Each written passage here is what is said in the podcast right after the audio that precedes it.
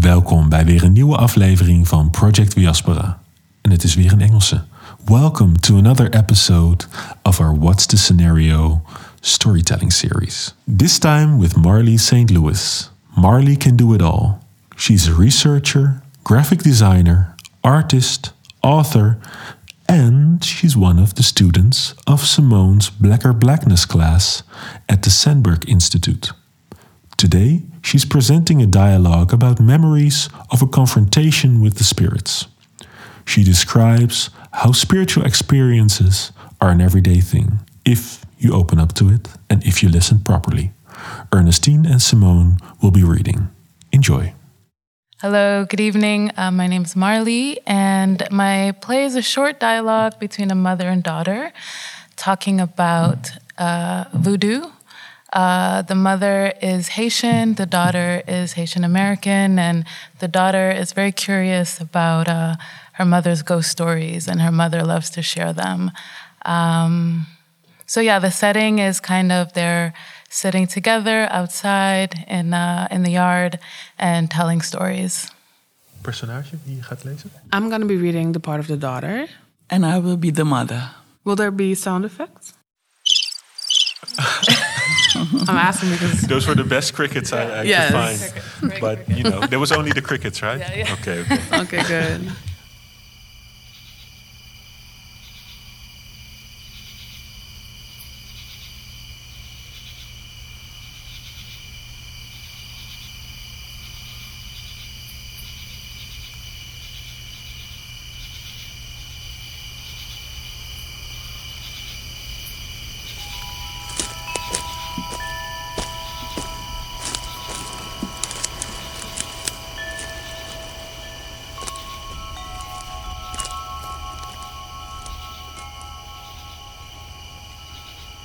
This woman was possessed.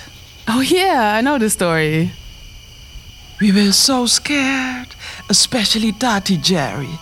I remember Tati Jerry just losing her mind. She just was so scared and running around and hiding and all this.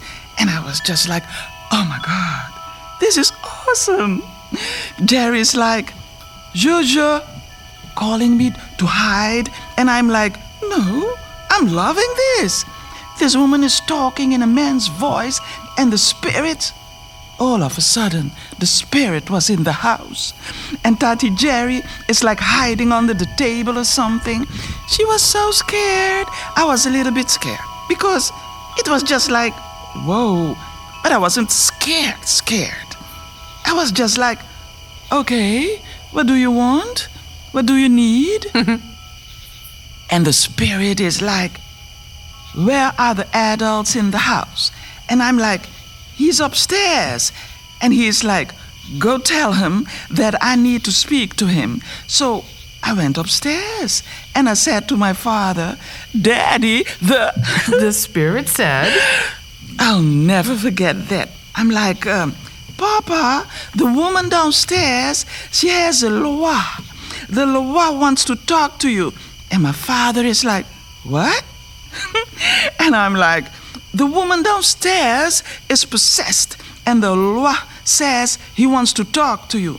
My father said, Tell the loa that he needs to come here to talk to me. I'm not going downstairs to talk to him.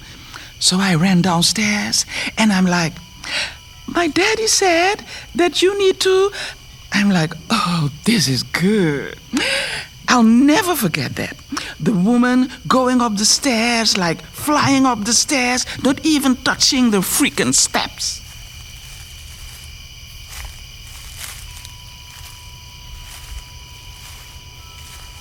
My father is like, This is my house. I'm the king here. My father is like, You need to ask for permission. You cannot just come in my house like that. I didn't call you. He was just not having any of it. so it wasn't that he didn't believe, is that he didn't agree with it, or I remember when I was probably 17 and I was studying to take the government test, and my father always used to ask me, Why are you staying up so late? And I'm like, Dad, you know I need to study. And one night he came home late, and I was sitting out there uh, under the almond tree, and I'm studying. Never knowing what's in my surroundings, never been afraid of it, never been afraid of it.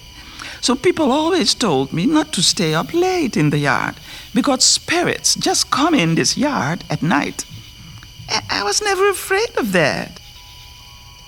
And I remember my father coming late one night and he looks at me and he's like, What are you doing? And I'm like, Dad, I'm studying. I have exams to take. And he's like, Didn't I tell you not to stay here by yourself late at night?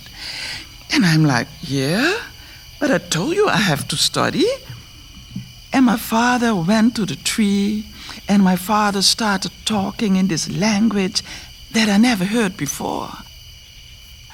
And is telling something up on the tree to come down, and I'm sitting there. And all of a sudden, there's this black dog that comes down the tree with his tail between his legs.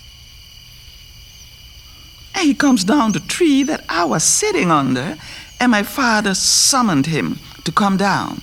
And he's telling him, This is my house. This is my kid. You have no business being here when my kid is sitting here. And my father summoned him to get out. And that dog, a black dog, he walks out with his tail between his legs. And my father said, That's why I don't want you to sit here. Because after a certain time, it's no longer time for humans to be up. This time belongs to the spirits. But I think there's also something in you that has the ability that your father has or had, because I think I've seen it. I don't think it's just me. I think it's in all of you. I think all of you have the same capacities. You have the same spirits, and it goes from generation to generation, and you just have to embrace and nurture it. I think I'm at the point where I'm willing to embrace it more than I once was. Because I know there's something there, and I think I've always known there was something there that I wanted to embrace, but I didn't know what it was, and I was afraid. I think whether you want to embrace it or not, it's going to take a hold of you. How do you embrace them? Well, you just have to learn about them. It's the actual roots. It's going to the roots, talking to the people, feeling how you feel, and getting in touch with how you feel because they are in you, they are within you. It's not something that's on the outside you're trying to claim, it's something that's already there. And I know there are so many things I should do that I'm not doing, you know, like uh, burning candles on certain days and basically listening, listening.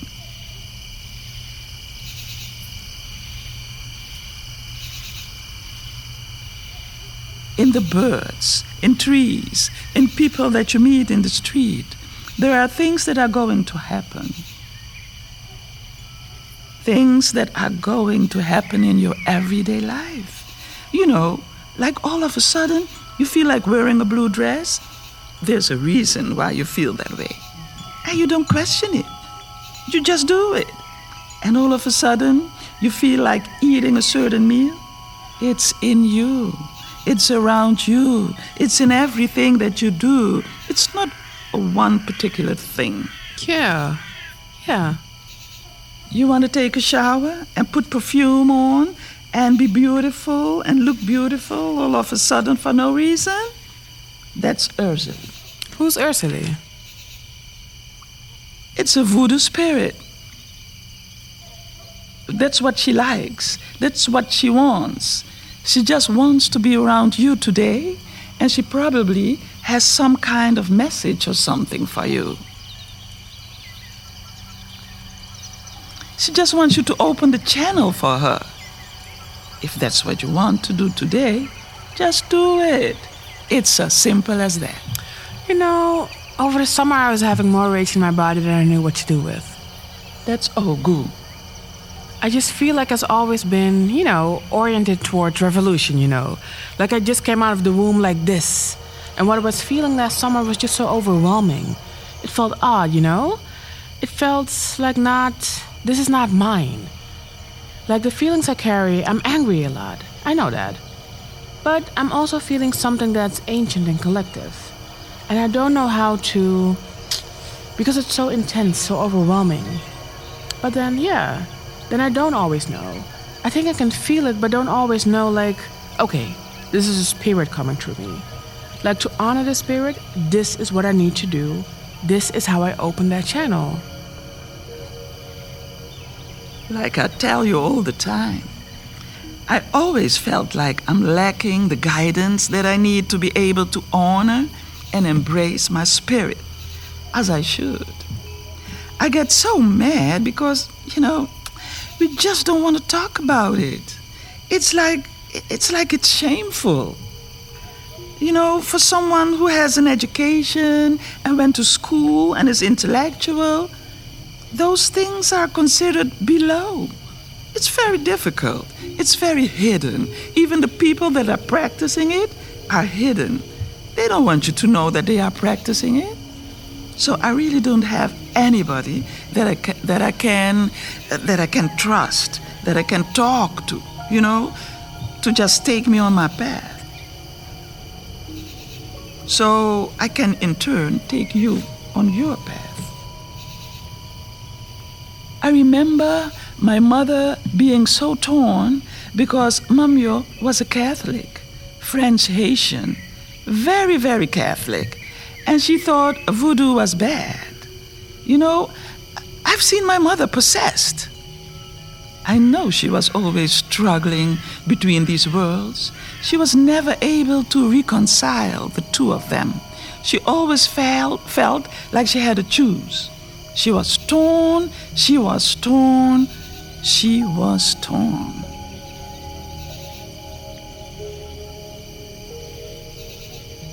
But I know enough to know there is nothing bad about it.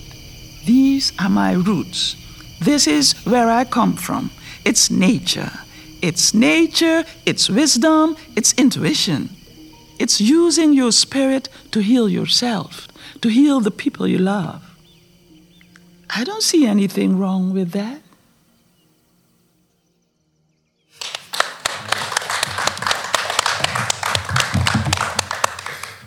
So, thank you, Marley. Thank you. Yeah. Uh, How was it to, to hear it out loud like this? Uh, really beautiful. Yeah, I found it really moving. You both did really well. It's uh, yeah, it's uh, nice to see a conversation that I actually had with my mother uh, performed by by the both of you.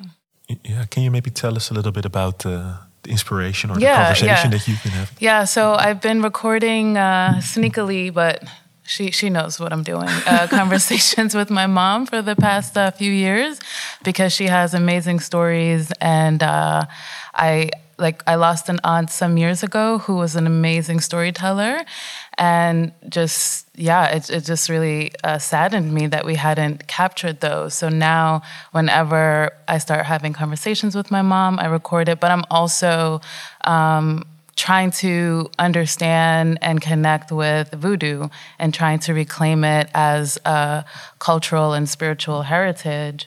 Um, and there's so much that is written about it in the West that is horrible and um, just colonized. And so she's my my source, really. Um, but she also struggles, as you saw in the characters, struggles with. Uh, feeling like she didn't have the the the education that she should have had. She's lived in America for longer now than she lived in Haiti. And in America, the, the Haitians that she's in community with don't really want to talk about voodoo. It's like really, um, like, why would you talk, like, why would you bring that up? And so she's having to kind of uh, be on this journey on her own. So I consider us in that journey together. But, um, yeah, it's it's kind of this ongoing conversation that we're having of how to kind of dust off this uh, imperial uh, nastiness that is on this like really rich, really Mm-hmm. rich uh, cultural heritage. Yeah, thanks for sharing that. And and you, what what? Why did you record? Start recording? Because now we challenge you to to write a piece for a dialogue for this. Yeah. But that wasn't your intention, was it? No, no. I mean, I just want to, I want us to have archives, you know, as I'm doing my own research on voodoo.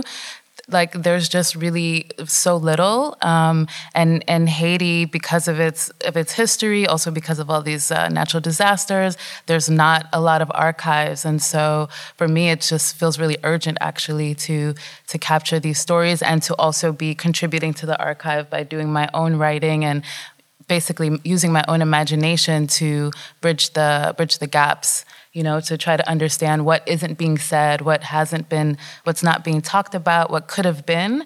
Um, you know also like the the mother character talks about her mother and her grandmother and also wondering what it was like for those women when you have these competing uh, you know this catholic church that's like this is how you should be but also voodoo is such a part of your everyday existence there. Like they're talking about these loas these spirits that are really just always there. So how do you reconcile like the reality of your lived experience, but also this system of religion that tells you that it's wrong or that it's bad?